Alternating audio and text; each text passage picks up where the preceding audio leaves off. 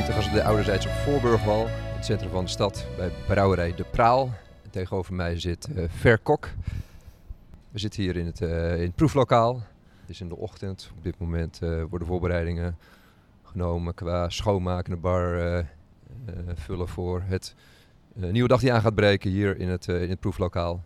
Ja, tegenover mij zit dus Ver Kok. Ver, zou je even kunnen voorstellen wie je bent en wat je doet bij Brouwerij De Praal? Nou, je zegt zelf mijn naam al, dus het scheelt weer. Hoef ik niet zoveel te doen. Hele lange naam. Um, ik ben uh, een van de oprichters van uh, deze brouwerij. Dus ik werk al nou, bijna 20 jaar bij Brouwerij De Praal in Amsterdam. En mijn voornaamste taak is het, is het begeleiden van het personeel wat we, wat we hier hebben. En het maken van het bier. En in het begin was ik de brouwer Ehm, samen met mijn collega. En tegenwoordig hebben we een brouwteam. En brouw ik bijna nooit meer, maar bemoei ik me er altijd weer mee, weet je wel. Sta, ik, sta ik weer in de weg. Ja. ja. Krijg, je dat weer, krijg je dat weer te horen? Sta je in de weg. Um, en je vertelde over het, het, brouwen van het bier. Wat is je eigen favoriete biertje en uh, waarom specifiek die? Um, het is een beetje afhankelijk van het jaargetijde, moet ik zeggen. En een beetje afhankelijk van mijn humeur. Maar ik ben altijd wel een, uh, een liefhebber van de bitterblond van ons. Is een makkelijke doordrinker. Uh, het is gebaseerd op een kulstype van Duitsland. We wilden een bovengisterde doordrinker maken. En dat is, het, uh, dat is de, toen de Johnny. En dat heet nu een bitterblond. En het is wel een, een prettig bier. Het is altijd gewoon een prettig bier. Ja. ja. En jij zei net al de naam Johnny. Hè? Er ja. zijn veel bier die zijn vernoemd naar Amsterdam historische figuren. Dus nou, dat zou niet uh, alleen komen. Amsterdam, het was uh, vooral de smartlappen waar we helemaal gek van waren. Dus we hebben alle smartlapenzangers een beetje de revue laten passeren. En op een bepaald moment dacht de marketing en, uh, en de, de, verkoop dachten dat het slimmer was om daar eens mee te stoppen en daar gewoon een andere namen aan te geven. Dat heeft wel wat pijn gekost, maar goed, het is gebeurd. Ja. En, dus de naam Johnny uh, is niet meer. Johnny is niet meer? Nee. Oké. ik gebruik hem nog regelmatig, moet ik zeggen hoor. En uh, de andere namen van de Smartlab uh, bieren zijn er ook niet meer? Nee, nee, die zijn er allemaal af. Die zijn er al afgegaan, ja. oké. Okay. Zonde hè. De mensen begonnen te klagen toen, het, toen de Nick en Simon kwam. Oké, okay, dat was de grens. ja, terwijl dat eigenlijk gedaan was voor... het waren twee barkeepers van het café in de Wildeman. Die heten allebei, die heten dus Nick en Simon. Dus daar hadden we mij naar vernoemd. Ah. Fotootje erbij, maar ja. nee, dat heeft niet geholpen. Ik kan ook je vraag stellen in hoever Nick en Simon Smartlab is, maar dat, uh, dat terzijde. Hey, um, ja, we zijn hier uh, nou ja, in het centrum van de stad, waar jullie uh, eerste proeflokaal ja. zitten. Er zijn een aantal meer, daar gaan we straks vast en zeker nog verder over hebben. Ja, historisch gezien is dit natuurlijk wel het oudste stukje van Amsterdam. Ja. hier kwam de Amstel uh, samen waar, uh, waar de zee raakte, zeg maar. Ja. Waar de naam ook van Amsterdam vandaan gekomen is. De oude bierkaai zit hier voor de deur. Ja, de bierkaai. Wat, wat is eigenlijk een bierkaai? De bierkaai is eigenlijk de plek waar in Amsterdam het bier binnenkwam. En dat is in, in, in Amsterdam is dat het bier uit Duitsland, Hamburg vooral.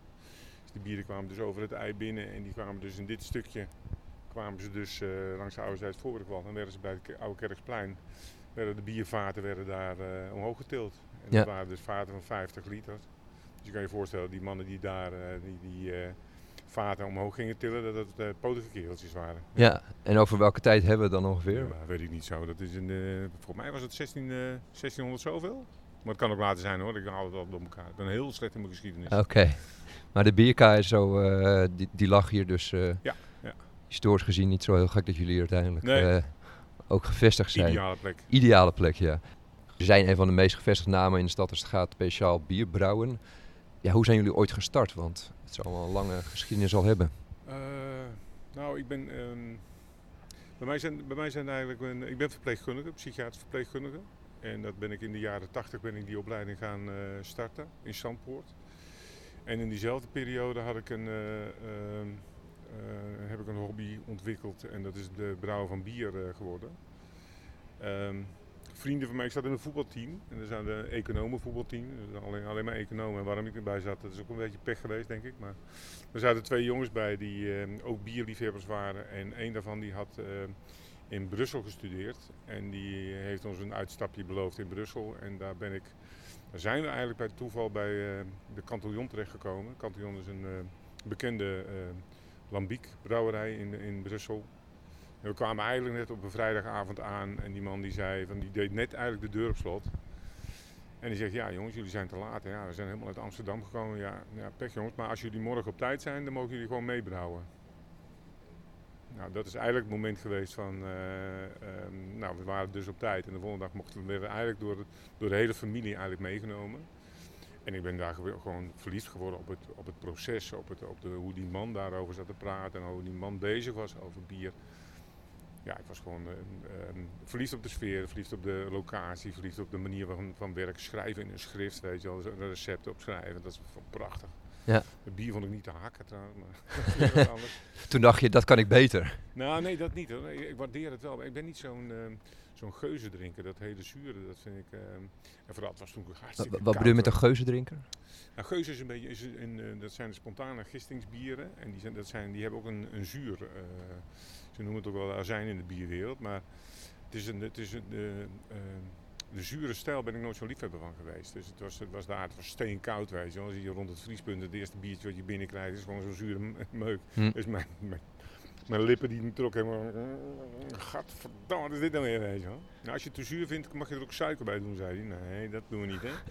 Nee, we gaan dan Vloek in de kerk. Maar goed, het was... eh, maar het proces zelf was ik wel helemaal verliefd op. En dan ga je langzamerhand ga je dan verdiepen. Vanaf die periode ben ik hem ook wel gaan inlezen. En je had toen in Amsterdam had je Rob van Gelder. Die had een, ehm, op de Van Wouwstraat had hij een, eh, een drogisterij. Waar hij ook bierbrouwspullen verkocht. En dan, eh, ja, dan ga je daar eens een keer naartoe en je snapt er nog helemaal geen flikker van. Maar dan zie je dus, eh kwam een, eh, een boekje tegen hoe leer ik eh, brouwen. Of hoe, zoiets van, hoe heet die man ook weer? Nou ja, Jan van Schaik. Ja, Jan van Schaik was de, de schrijver van het boek. Hoe brouw ik bier? En ben ik gaan lezen en uiteindelijk kom je bij recept 1 en je begint gewoon recept 1 eens een keer na te maken. Weet je Ja. wel. Dus het En weet je nog wat het eerste biertje was, wat eh, van eigen hand eh, Het was? zal wel een, eh, een heel simpel bier zijn. Misschien, misschien dat ik een triple heb genomen of zoiets, wat ik, waar ik toen wel erg van hield, trippels. Hm. Dus die kant zal ik wel een beetje begonnen zijn. Ja, En daarna ben ik dat helemaal gaan, ja, mijn eigen gaan maken. ja, En dan met allerlei, het, het, het leuke van, van zelf bier brouwen is dat je dat doet, eh, we deden het met z'n tweeën. En eh, wij hadden altijd een beetje de, de, de neiging om altijd vier flesjes Grols mee te nemen, van die beugelflesjes. En, twee flessen, eh, of, en vier flessen van een eh, ander bier waar gist in zat. Dus wat wij dan een week voordat we gingen brouwen deden, was die, vier, die twee flesjes Grols, allebei een flesje Grols eh, opdrinken. En die flesjes Grols die gingen dan eh, uitkoken, Hm. zodat het schoon was. Daar deed je dan eh, suikerwater of appelsap bij. Daarna dronken we die andere biertjes op. En dat gist van het bier wat er overbleef, dat deed je dus bij die appelsap in die, in die Grolsflesjes. ja, En dan liet je dan staan een week. En dan had je dus een week later had je daar dus een, een giststarter. Dat gist dat, dat groeide. En dat, dat was een beetje de manier waarop we dat deden. En Ja. het plezier van het bier drinken is natuurlijk erbij. En daarna het brouwen ook erbij. ja. Dat is allemaal echt thuis, eh thuisbrouwerij voor eigen Precies. gebruik. Ja, eh, ja. Echt meer om te experimenteren Ja. met Ja, smaakcombinaties. precies. Ja, En eh, we woonden allebei in de kraakpand. Dus op een bepaald moment hadden wij... Hij was natuurlijk econoom. Hij verzond dus een, een soort strippenkaart voor iedereen. Een Ja. strippenkaart voor 25 gulden kreeg je dus een strippenkaart van 25 bieren. Die je in de loop van de tijd dus kon krijgen. oké. En van het geld wat we bij elkaar hadden, we hadden gewoon over 10 van die strippenkaarten uitgedeeld. Ja, Hadden we dus 250 gulden, hebben we onze brouwapparatuur gekocht. Dus dat, op die manier is het een beetje de, in de eerste investeringen begonnen. ja. En ehm, nou ja, dat klinkt als, eh, als, als, als, als verkoop en proeverij meer aan, eh, aan vrienden en bekenden. Ja, ja, Eh, ja. Uiteindelijk, hoe zijn jullie gestart als zijnde meer een, een grote is- organisatie met... Dat is dan, dat is dan later. Dat- toegang. in de combinatie met mijn, met mijn verpleegkundige. Ik ben eh verpleegkundige geworden in Zandpoort. En ben daarna eh, in Amsterdam in de Verleerskliniek en eh Walborg, samen van die ziekenhuizen in Amsterdam. En op een bepaald moment leerde ik daar wat, een, een Belgische dame kennen. Die, die vond het hartstikke leuk om dat te doen. En we hebben dat in het activiteitencentrum zijn we dus een paar keer bier gaan brouwen in zo'n ziekenhuisje, zeg maar. S S'avonds na het werk. Dus de brouwerij hadden we toen na vijven. Brouwerij na vijven. Ehm, nou, iedereen, we lieten het ook wel proeven aan collega's. Ook ze, eh, zijn op een bepaald moment begon dat dus steeds meer een, een naam te krijgen ook, dat het bier gebrouwen werd. Heette En- toen al De Praal? Nee, nee, het heette nog niet de Praal. We hebben ook nog even een tijdje brouwerij De Bocht gemaakt. Ehm, Het zal toch niet te maken met de feedback die jullie kregen over de smaak? wat eh, bocht, precies. ja, daar komt het vandaan. die ja. kwam je voorbij. dus nou ja, in die, in die zin was het, was het wel eh, gewoon A, lo- leuk. En ehm, het had ook wel... eh, veel mensen vonden het heel interessant. En we lieten ook wel eens wat mensen meehelpen. Nou, op een bepaald moment was er dus de, het verzoek. ehm, eh, met- Arno kwam, eh, kwam daarbij, die ging meedoen, mijn, vorige, mijn collega. En die, ehm, ehm, die werkte bij het activiteitscentrum. En er was op een bepaald moment was er behoefte om een, ehm, een soort werkplek te gaan creëren voor mensen met die, met die afstand tot de, eh, tot de arbeidsmarkt. Waarin ze vrij ver bezig waren met eh, eh, meubelmakerijtjes en bakkerijen. En weet ik allemaal. Bakkerij, dat liep eigenlijk wel vrij goed, bakkerij, om dat op te gaan zetten. Maar het enige nadeel van de bakkerij is, dan moet je s'nachts je bed uit, weet je wel, om te gaan, om te gaan, om te gaan Mhm. bakken. Dus dat liep uiteindelijk helemaal niet. En toen hadden we zelf het idee opgegooid van, nou ja, brouwerij, ja, de flessen schoonmaken, weet ik allemaal. Er is een hele hoop werk rond een brouwerij, zeg maar. 80% van bierbrouwen is eigenlijk schoonmaken. Dus nou, als je dat goed doet dan, eh, en als je daar genoeg mensen voor hebt, kan je lekker bier brouwen. Nou, die idee dat ging, dat liep eigenlijk vrij snel, liep dat eh, als een lopend vuurtje door het, door het hele pand heen. En op een bepaald moment werd het, ik weet nog een symposium, dat iemand dat eens een keer eh, riep van ja, deze twee jongens willen zelfs een brouwerij maken. Dus die is een brouwerij. Fondsen werden aangeschreven en ook het ziekenhuis zelf wilde mee investeren. En op een bepaald moment hadden we dus geld om te gaan beginnen, om te gaan eh, starten met een brouwerij. Eh, businessplan is er geschreven, hoeveel geld heb je eigenlijk nodig, weet je wel. Nou ja, vraag je dus aan, aan een collega, een brouwer in, in Utrecht, zeg eh, Nico, brouwerij maken, wat kost dat? Nou, een tonnetje. Hm. Oké, dus schrijf je op tonnetje, weet je wel. Dan Ja. denk je dat, nou, dat wordt dan het... en dan moet je een- tekening maken van je pand. Nou, een vierkante tekening. En hier is de brouwzaal, hier is het kantoor, hier is de kantine, hier zijn de toiletten, weet je wel. Ja. Je weet niet hoe het gaat. Ja. Dus nou, zo is. Achter op een bierveeltje klinkt dat bijna, Ja, hoe dat, dat eh, niveau is het wel kwam. geweest, ja. Ja. En dan, dan ook, ja, je maakt daar natuurlijk wel meer woorden voor. Want het gaat erom bij ons natuurlijk om hoeveel mensen krijgen we aan het werk. Dat was het idee. Hm. En, eh, Dat is echt eerst gericht van, oké, bierbrouwen is het tweede punt, Ja, maar het gaat erom, hoe krijgen we mensen met die achterstand? Rond dat, rond dat bierbrouwen stond ook dat, wat, ik- wat ik net zei tegen jou, over, die, over de, de bierdrinkers van dat moment. Dat waren echt mannen, dikke buik, baardje, eh, boven de 35, boven de 40 jaar. Linnen tasje onder de arm, geitenwolle sokken, eh, sandalen. Nou, dat waren de bierdrinkers van die, eh, van die tijd. Hm. En in Amsterdam had je eh brouwerij Het Ei, was er natuurlijk wel. En dat liep nog niet zo super als dat het nu liep, maar dat was wel een aardig brouwerij waar we graag kwamen. Hm. En dan had je nog hierin eh, had je ook eh, eh, Maximiliaan als brouwerij, had je, eh, wat nu de bekeerde zuster is. Hm. Dus het waren de twee brouwerijen. Ik had toen eh, gebeld naar ehm, eh, Albert Hofman. Die was toen de brouwer van eh, Maximiliaan. Van, nou, we willen een brouwerij gaan beginnen. en Zo. Nou, moet je niet doen, jongen. Concurrentie is moordend. Echt niet te doen.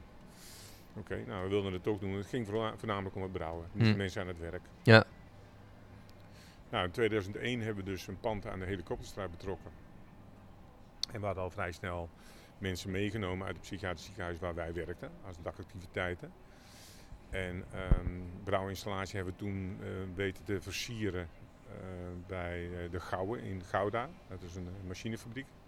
En die heeft samen met ons hebben ze een installatie gemaakt. Maar echt als thuisbrouwer zeg maar. Nou, Zo'n installatie moet RVS zijn. 500 liter rijdt als ruim voldoende. Hm. En via Duotank hebben we toen nog ehm, vier tanks, vier vergistingstanks weten eh, op de kop te tikken. Ook voor, voor, eh, voor weinig. Ja. Maar ja, een ton dat redde je natuurlijk niet. Dat was allemaal, eh, Hij heeft wel dingen perspectief te plaatsen. Je had over tanks van 500 liter. Hoeveel capaciteit hebben jullie nu in jullie... eh, nu hebben we gezamenlijke gezamenlijk 1000 liters. We zijn, we zijn verdubbeld, maar we hadden toen vier tanks. We hebben nu 17 tanks hier van, van 1000 liter staan. Oké, Dus in die zin is die capaciteit wel verhoogd. ja.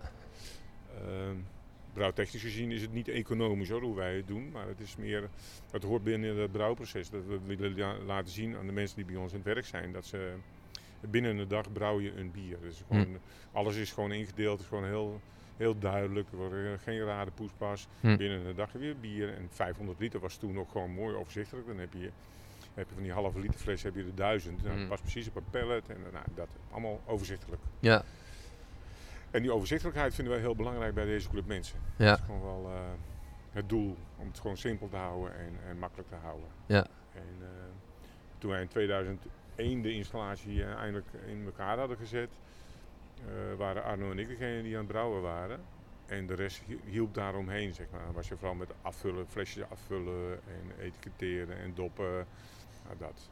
Ja. Dat was het voornaamste werk. En veel schoonmaken natuurlijk. Ja, en je vertelde net van, eh, dat eh, mensen met afstand door de arbeidsmarkt dan helpen bij het brouwen zelf. Ja. Hebben ze ook eh, op dit moment of in het verleden andere functies binnen de onderneming gehad? Ja, je hebt een, ehm, kijk, in, in het begin heb je dus alleen een brouwerij, maar je moet ook je, je bier, als je dat verkoopt, heb je dus ook een, een administratie die erbij moet helpen. Ehm, wij moesten ook registreren natuurlijk, de mensen die we aan het werk hadden. En dat we die, eh, daar, daar verdienen we ons geld mee eigenlijk. Mhm. Als verpleegkundige verdienen wij ons geld. Mhm. Dus dan krijg je dus dat je dat moet administreren. Je moet ook rapportages schrijven daarover. Ja. Ehm, nou, dan heb je het bier, heb je je magazijn wat erbij was. Mensen bleven 's middags eten bij ons. Dus we hadden een kantinedienst kregen we in één keer. Mhm. Dus zo langzamerhand kreeg je allerlei ehm, verschillende plekken waar mensen aan het werk kon, Ja. konden. Een autootje erbij voor het transport. Het bier werd verkocht eh, aan de Aardesnest en aan Wildeman en aan Hm. ehm, ehm, ja, toen de Bierkoning natuurlijk. En je had ook eh Bert's Bierhuis. Nou, dat zijn wel een beetje de, de basisplekken waar je je bier eh, wegbracht. Ja. En sommige particulieren. Dus we hadden allerlei werkplekken. Ja. En dat is, dat is later wel uitgegroeid. Eh, Op dat moment, in- ik denk dat we binnen drie jaar hadden we echt iets van ehm 40 mensen aan het werk. En wel, eh, we zaten altijd wel redelijk vol. En we hadden een wachtlijst voor mensen die aan het, eh, bij ons aan het werk waren. Maar er was ook een wachtrij voor het bier, voor het, eh, het product bier. Ja. Dus het idee om daarna te zeggen van nou weet je wat, we moeten misschien eens eh, een, een, een proeflokaal gaan beginnen om de verkoop van het bier wat makkelijker maken. Dat is ook een ontwikkeling geweest die wij zelf meemaakten in dat, in dat proces hoor. Want wij, wij, gingen, wij deden alle festivals zelf. We gingen een bierfestival en dan stonden Arno en ik, of Arno of ik te tappen. En op een bepaald moment neem je eens iemand mee om mee te helpen sjouwen. Hm. Maar die ging op een bepaald moment ging die zelf staan tappen en dat deed hij beter dan dat wij dat deden. Ja. Dat was echt iets van, eh, fuck, ja, dat kunnen we natuurlijk ook laten Echt doen. trots op het werk wat hij doet. eh. We waren als verpleegkundige waren we in het begin heel beschermend. Ja. Als, gewoon ook, dat was onze, ons werk ook eigenlijk altijd. ja. En uiteindelijk dachten we, ja, dat zijn we, we, zijn, we moeten niet meer de hulpverlener zijn. We zijn nu een bedrijf aan het worden. En Ja. we doen het met deze club mensen. Ja. Dus het maakt dat onze mindset ook wel een beetje, vera- een beetje nogal veranderde. Zeg Ja. maar. Is wel een eh, ja, mooi. aspect ja, dat is wel prettig. Ja, en je vertelde net eh, voorafgaand in het gesprek dat er wel eens eh, ja, gefronste wenkbrauwen waren van, van reacties van mensen van hé, hey, waarom ja, betrekken jullie mensen met, met een achterstand de arbeidsmarkt bij jullie bedrijf? Hoe reageer je daar dan op? Maar het lijkt me wel eens een ingewikkelde om dat... Eh, eh, Nou ja, kijk, in het begin was ik er wel heel geïrriteerd over, over eh, dat aspect. Maar op een bepaald moment, als mensen je ook wat meer leren kennen. eh, we hebben toen ook wel eens brouwers gehad, die, eh, twee van die jongens die kwamen toen, of twee van die jongens, een, een man en een vrouw, collega's die bij ons ook wel hadden gewerkt. Die kwamen hier in Amsterdam, we zouden samen naar Rotterdam toe gaan. Die hadden mij gebeld of we samen zouden opreizen. Ja, is goed. En die kwamen toen hier en die zaten onderweg hier naartoe, zaten ze te klagen over het kind. Ja, met die kleine en vanmorgen een hoop eh ellende, weet ik allemaal. En toen ik zeg van ja, nou we gaan zo weg naar Rotterdam, toen moeten we hier nog even een paar dingen doen. Dus ik begon hier wat mensen aan te sturen Hm. en wat dingen op te lossen Hm. in een half uur tijd. En die twee die zaten echt zoiets van, fuck dok, wat is dit voor werk? Weet je wel, die, iedereen die je maar, eh, je moet echt de hele bende moet je aansturen. En dat was, op dat moment blijkbaar was het, was het heel indrukwekkend wat ik allemaal deed. Terwijl ik daar zelf niet zoveel kan, eh, van kan herinneren. Maar dat was gewoon een beetje de dagelijkse bezigheid wat je hier doet. Om te zorgen dat iedereen zijn klusje doet wat hij moet gaan doen. Hm. En heel veel mensen hebben, eh, kunnen hier maar eh, deelprocessen aan. Je kan niet zomaar tegen iemand zeggen, ga jij eens even de kantine schoonmaken. Mm. Eh, Echt wat meer gerichtere ja, taken. je moet de tafel schoonmaken, je, alles van de tafel afhalen, maak je een sopje en dan ga je de tafel schoonmaken. Dat Ja. is zo op die manier gericht. Ja, Dat is de manier van hoe je met, met niet iedereen, maar met een aantal mensen omgaat. ja, Ja, dat, dat soort ehm, werk, dat, dat is gewoon het grootste gedeelte van het werk is dat geweest altijd. Het is Hm. gewoon altijd zorgen dat iedereen zo zijn klusje kan doen. ja, En sommige mensen eh, die hier werken, die, eh, eh, ja, die, die zien niet al het werk. Die, sommige mensen komen hier binnen en gaan gewoon wachten tot ze aangewezen worden dat ze iets moeten doen. ja. Ja, dat is het, ehm, hebt kijk, echt als meer dus- geduld en tijd nodig. Dat, Ja, dat, dat is dus als mensen zeggen, je hebt goedkope arbeidskracht, dan kan je zeggen, ja, voor een gedeelte klopt het ook, maar je moet ook de begeleiding daarbij leveren. Ja. En dat is, dat is de andere kant van het ja, en dat wordt niet altijd gezien. eh, Nee, dat wordt niet gezien. En als het, kijk, mijn, mijn doel, het- van het begin af aan heb ik dat gezegd, ons doel is gewoon, we gaan eh sigaren rokend en bier drinkend op kantoor zitten. En de rest doet, iedereen doet zo zijn klusje. mhm. Nou, dat hebben we nog nooit bereikt. Nee, En sindsdien mag je ook niet meer roken trouwens op kantoor. Maar, nee, Ja, maar het, het, het- Ja. de klus is wel dat je dat... eh, je probeert zoveel mogelijk zelfstandigheid aan te bieden aan mensen. En ik moet zeggen dat, het, dat we hebben wel periodes dat je merkt van fuck, iedereen doet het. ja, Het is ook echt zo'n. eh, eh, het is niet zo dat iedereen maar hier met een, met een, eh, eh, loopt te kwijlen of zo. Dat, bedoel, dat is het niet. Er zijn een aantal mensen die, die, die werken hier verdomd hard. En die kunnen ook gewoon heel veel. Mhm. Maar die hebben wel een ziektebeeld achter de rug. Mhm. Die hebben wel soms zitten in, in een depressie of hebben soms stemmen of hebben soms Mhm. angsten. En nou, er zit van alles achter. Ja. Dus er zit, wat dat betreft hebben we een complete bak respect aan die jo- jongens die hier voorbij komen. Weet je wel. Het is echt wel een, een, een zware taak. Sommige mensen hebben ontzettend veel moeite om hier al te komen. Überhaupt hier te zijn, op tijd te zijn. En, eh, dat. Voor Ja. heel veel mensen dit top. Ja. Maar als je ziet van zo, nou, zo'n proeflokaal bijvoorbeeld draaien, maar ook hier de brouwers, die, eh, nou, er zijn sommige echte dingen, maar, nou, een beetje vanaf hoor. ja, Zo. ja, mooi. Ja, prachtig dat. En, en, en hoe, hoe komen eh, ja, jullie medewerkers? Nou ja, in, hier het begin, terecht? in het begin namen ze mee uit het, eh, eh, uit de eigen praktijk, Uit ja. het eigen ziekenhuis Ja. waar we werkten. En dat was ook wel, kijk, zo'n brouwerij. Iedereen vindt het natuurlijk geweldig stoer om op een brouwerij ja, te werken. ja, Dus dat praatje ging snel te rond waarschijnlijk. tuurlijk. eh, ja. Kijk, mensen kwamen nu thuis te vertellen. Meestal wat Jan, Jan eh, waar zit je nou te makkeren mee? Ja, ik zit niet te makkeren mee. Ik zit nu in een bierbrouwerij werk ik. En ineens, een bierbrouwerij, hoezo? Mhm. Dus iedereen wilde heel Dat wil ik ook, dat wil ja, ik ook. Ja. Dus dat, dat, dat gebeurde dan vrij snel. En dat was, ehm, in het begin was natuurlijk de talk of the town dat wij zo'n brouwerij eh, waren begonnen. Dus eh, wij werkten bij GGZ buiten Amstel, maar langzamerhand wisten andere ziekenhuizen wisten ook dat zo'n brouwerij de praalde was. En op een bepaald moment heb je ook je HVO die binnenkomt en heb je de gemeente die weet dat we er zijn. Mhm. Nou ja, iedereen die een kaartenbak heeft met mensen die, eh, die ze niet kwijt kunnen, ja, die Hmm. komen dan ineens bij ons terecht. Ja. Of bij andere sociale firma's. En die zijn er ook genoeg, maar een brouwerij is wat dat betreft wel apart, ja. Ja. En eh, ja, een van de brouwers hier, Bart Roosendaal, Ja. heeft op de website de volgende citaat neergezet. Ja. Eh, is een prachtig vak waarbij alles draait om een goede samenwerking met collega's. Ja. Ja, mooie, mooie zin. En wa- wa- wat maakt volgens jou die goede samenwerking mogelijk? Wat is daarbij in het, Ja, in het brouwproces zo van belang? Ja, kijk, een, een, voorheen hadden we een, een, een brouwinstallatie van één etage en dan kon je alles heel goed zien. En dan is het heel fijn. Je kan in je eentje brouwen, maar het is heel fijn om met z'n tweeën te brouwen. En ook met elkaar te praten over wat gebeurt er in het brouwproces, wat kunnen we verbeteren, wat willen we doen. Dus je gaat sparren met mensen.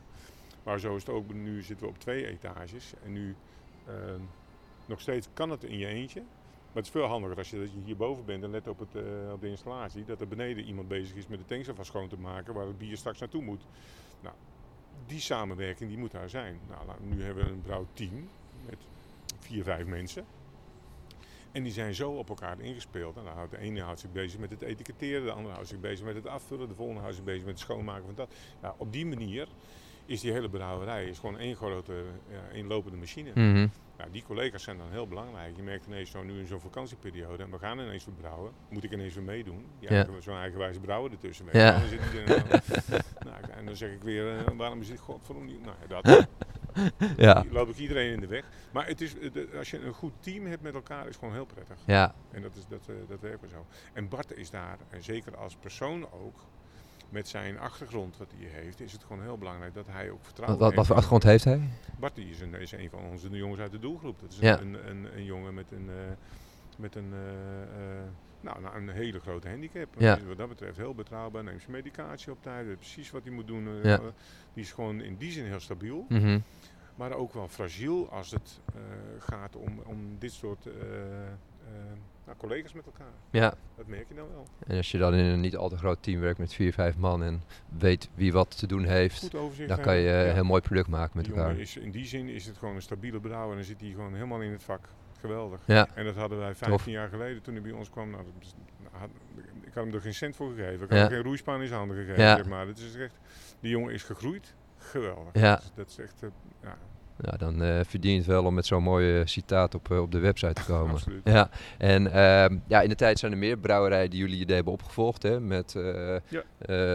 samenwerkingen aangaan met, met mensen die nou, moeite hebben om een baan te vinden. Ja. Wat, wat zijn volgens jou die succesfactoren om nou ja, zo'n zo'n onderneming aan te gaan? Wat, eh, wat werkt volgens jou goed? Ehm, ik heb, ik heb eh eergisteren toevallig met een collega van mij eh, gesproken van een sociale firma.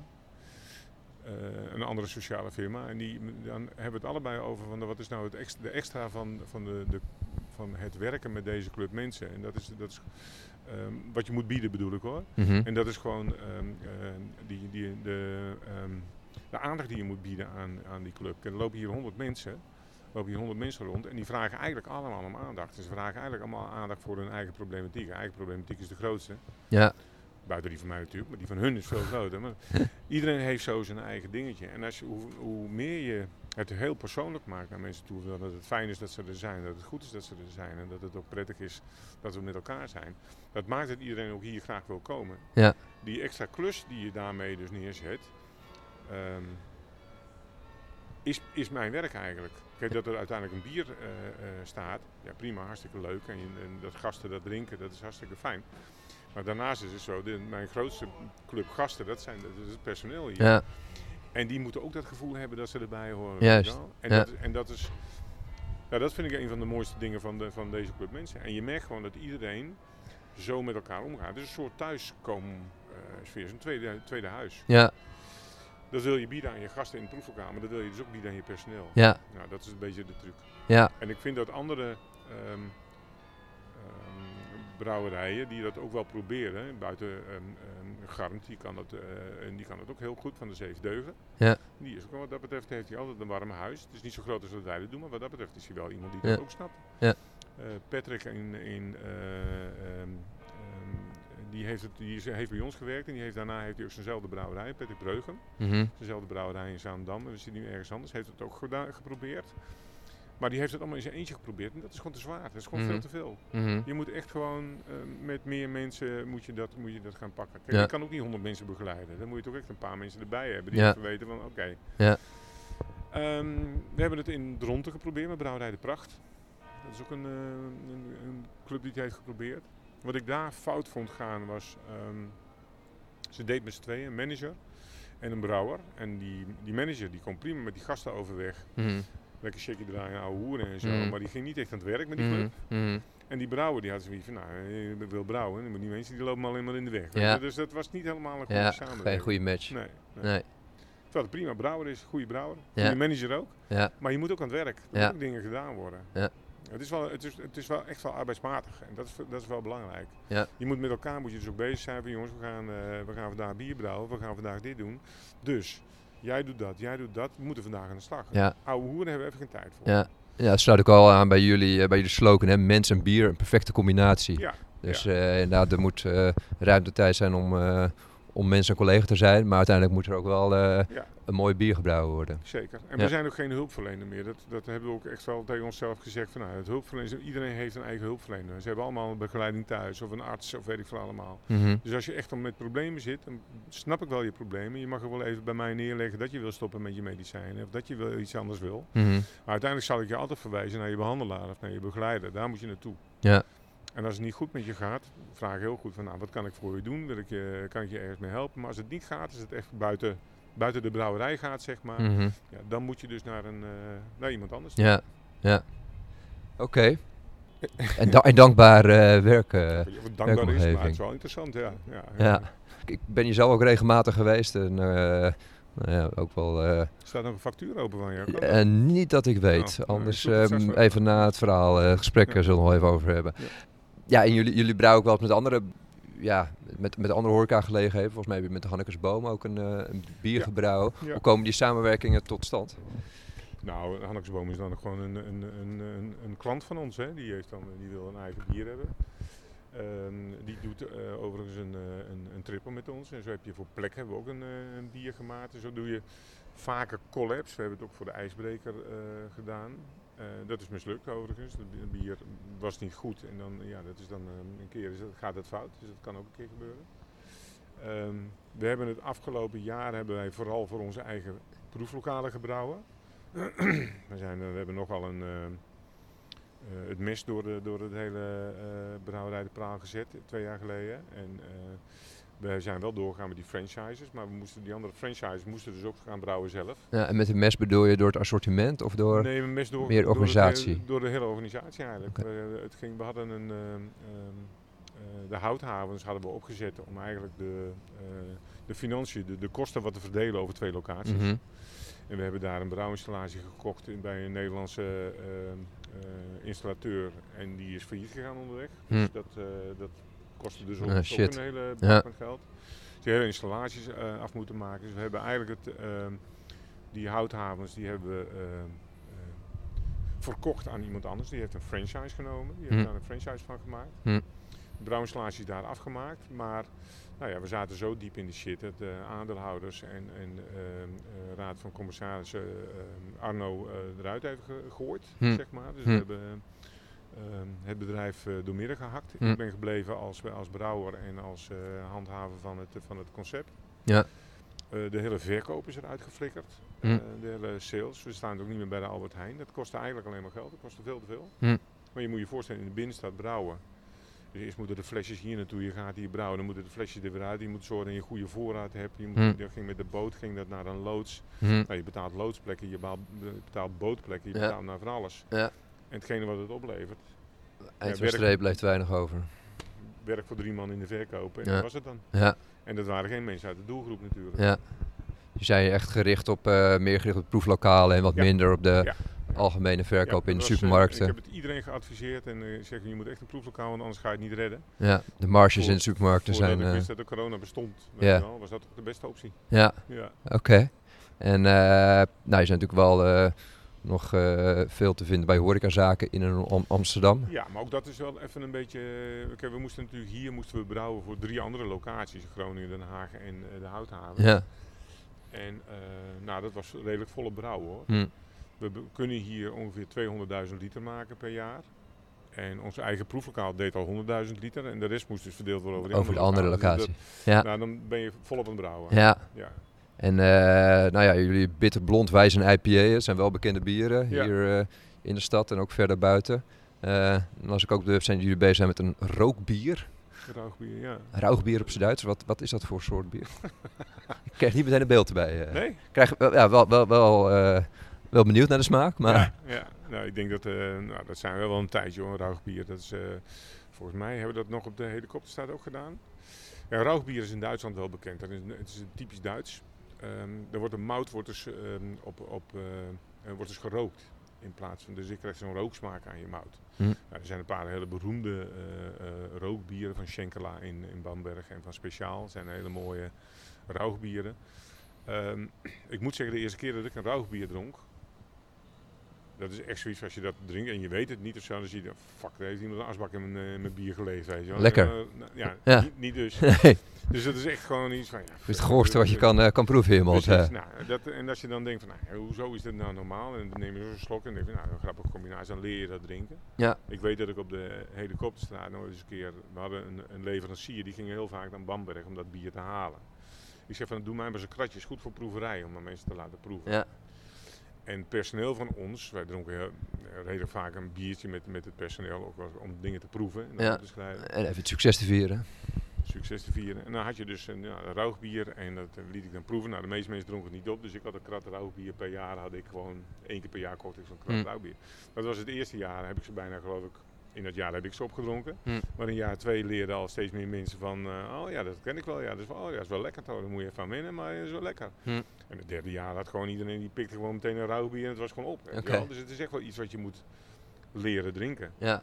Ehm, als je het niet kent, dan denk je van nou, een hele vreemde combinatie lijkt het wel. Je paling, je ruikt paling, grote paling idee zeg maar. en Oké. Dat, dat soort dingen. Niet direct een, eh, Nee. iets wat je met bier... ik heb eh, het nog steeds met Steinbier, heb ik dat dus heel lang geleden dat ik Steinbier heb gedronken. Dat, dat wordt, daar wordt dan een steen in het bier gegooid en dat gaat dan helemaal roken en nou, verbranden. Je Mm. krijgt echt een heel verbrande Mm. smaak. En die vond ik de eerste keer niet lekker, maar ik heb het daarna nooit meer gedronken. Dus het is echt wel zo'n bier waarvan ik, oh ja, Steinbier, dat moet ik toch eens een keer, dan moet ik mezelf nog eens aanleren om dat te gaan drinken. Ja. En is Maar het, eh, is, is, het ruigbier op tap hier... eh, Op dit moment proeven? niet. Eh, Rauwbier is net eentje gemaakt door de Houthavens. Dus die heeft er eentje in de tank zitten. Die komt als het goed is volgende week eruit. En we hebben net afgesproken dat we weer een rauwbok gaan maken. Dus eh, een voor van de bokbieren die we hier hebben wordt straks een rauw. En we hebben de Scotch Ale als bier. Er zit ook rookmout in. Dus hier op de achtergrond proef je een rooksmaak die erin zit. Alleen niet zo sterk als bij het, bij de bij Duitse rookbier zelf. ja, ja. En eh, je vertelde het al over de, de locatie in de, de Houthavens. 2017 eh, zijn jullie daar eh, geopend. Ja. Eh, ja, van waar eh, op die plek en... eh, Nou, wij zochten, wij zochten vooral terras. En, eh, nou, als je dat is lastig hier eh, Ja, op de Voorburghal. Ja, ja, zeker met mondkapjes op. Maar het is gewoon een. eh, het terras is hier gewoon veel te klein. En daar de houthaven, een prachtig terras. Ik ben zelf nooit zo'n terrassen, dus het was voor mij nog een beetje ding. want Het is wel heel hartstikke heet hè, als de zon erop staat. Mhm. Dus echt op het zuiden zit dat terras. Ehm, Maar uiteindelijk hebben we daar gekozen, vooral omdat die, die nieuwbouw die kwam daar aan. We hadden zoiets van, nou ja, als het een beetje goed timed, dan eh, zou daar zelfs een bioscoop gaan komen en zo. Ehm, nou, dat is allemaal niet zo gegaan zoals we dachten. Het ging eh, veel trager en die buurt die, eh, ja, die komt er wel, maar die schiet ook niet op. Dus ehm, de aanloop was eh, eh, vertraagd en dan krijg je dan ook nog dat die brouwinstallatie niet, eh, niet komt. Hm. Dus dat liep daar niet hard genoeg. Ja, Nee, dat was niet de, de ondersteuning die we nodig hadden. nee, Nee. nee. Maar goed, de komende jaren met de woonwijk die er gaat, gebouwd worden, ja. Wellicht dat er eh, inderdaad Ja, een mooie kans op daar. staan. En je merkt ook wel dat de klanditie daar steeds hoger wordt. En ze gaan daar, de, de man die dat op dit moment doet, heeft daar goede plannen voor. En die heeft ook wel een goede idee om daar feesten en partijen neer te zetten. En dat soort, Hm. ja, dus ik zie er wel kansen in. Mhm.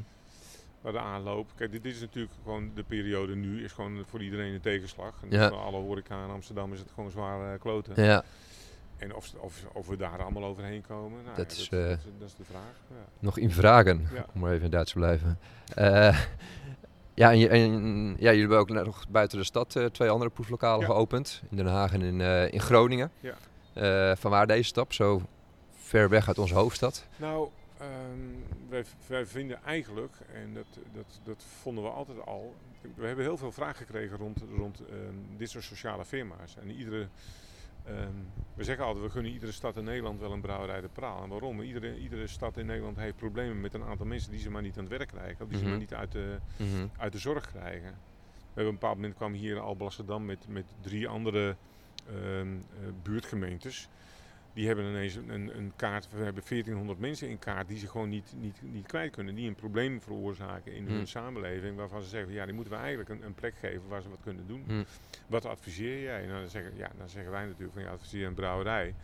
Maar je kan ook een ander ding doen. Maar je moet wel iets, iets maken waar mensen graag willen zijn. Waar mensen een beleving bij hebben. Waar mensen ook het gevoel hebben dat ze ertoe doen. Mhm.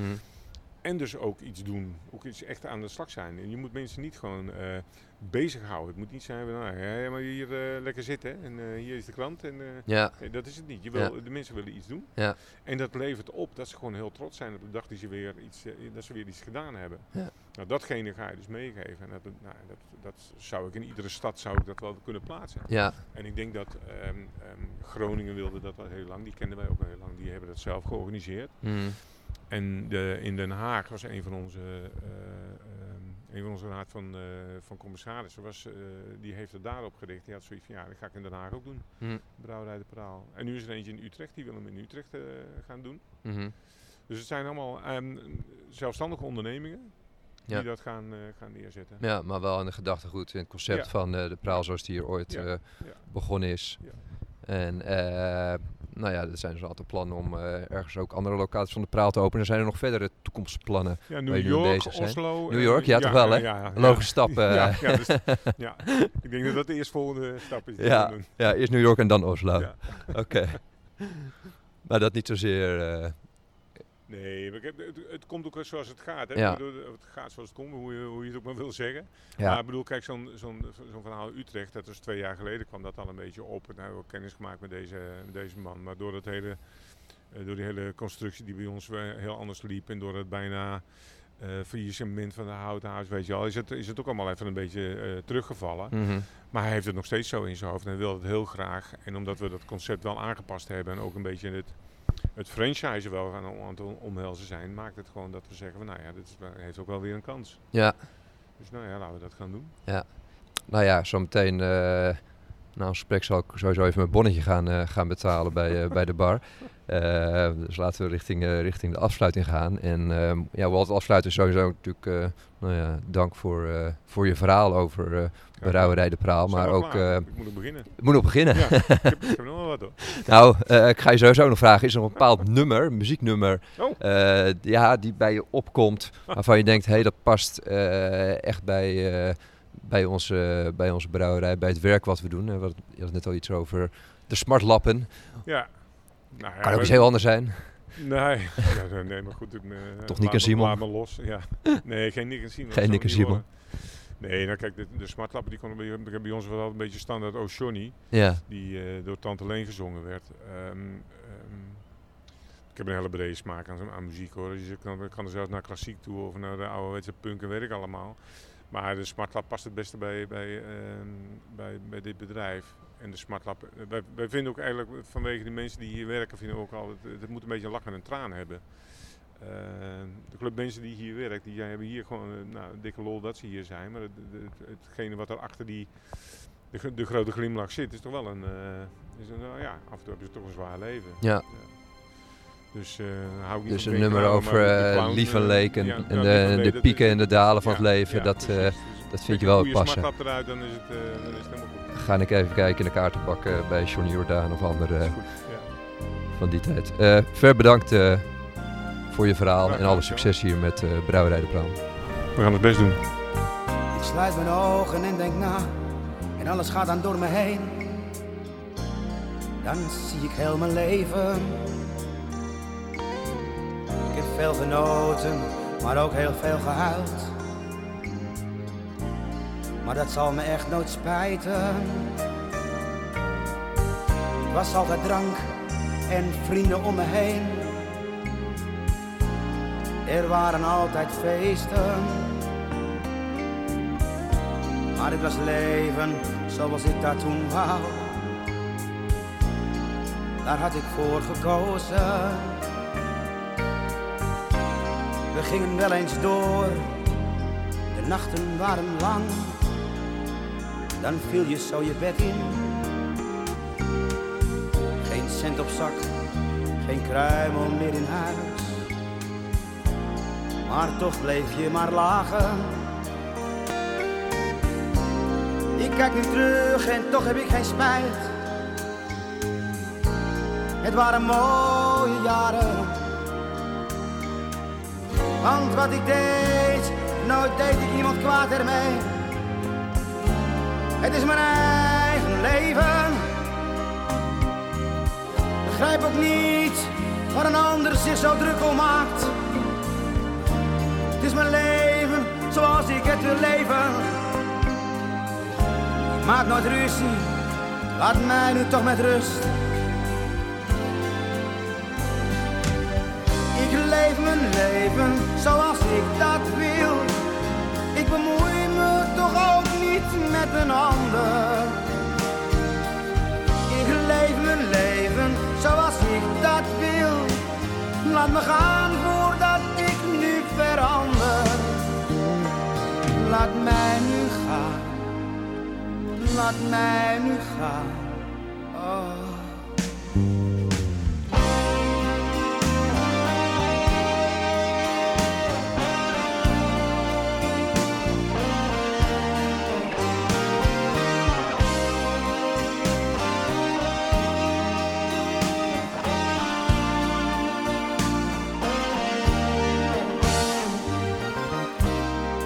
Kijk nu terug en toch heb ik geen spijt. Het waren mooie jaren. Want wat ik deed, nooit deed ik iemand kwaad ermee. Het is mijn eigen leven. Begrijp ook niet waar een ander zich zo druk om maakt. Het is mijn leven zoals ik het wil leven. Ik maak nooit ruzie, laat mij nu toch met rust. Ik leef mijn leven zoals ik dat wil. Ik bemoei me toch ook niet met een ander. Ik leef mijn leven zoals ik dat wil. Laat me gaan voordat ik nu toch verander. Laat mij nu gaan. Laat mij nu gaan. Oh.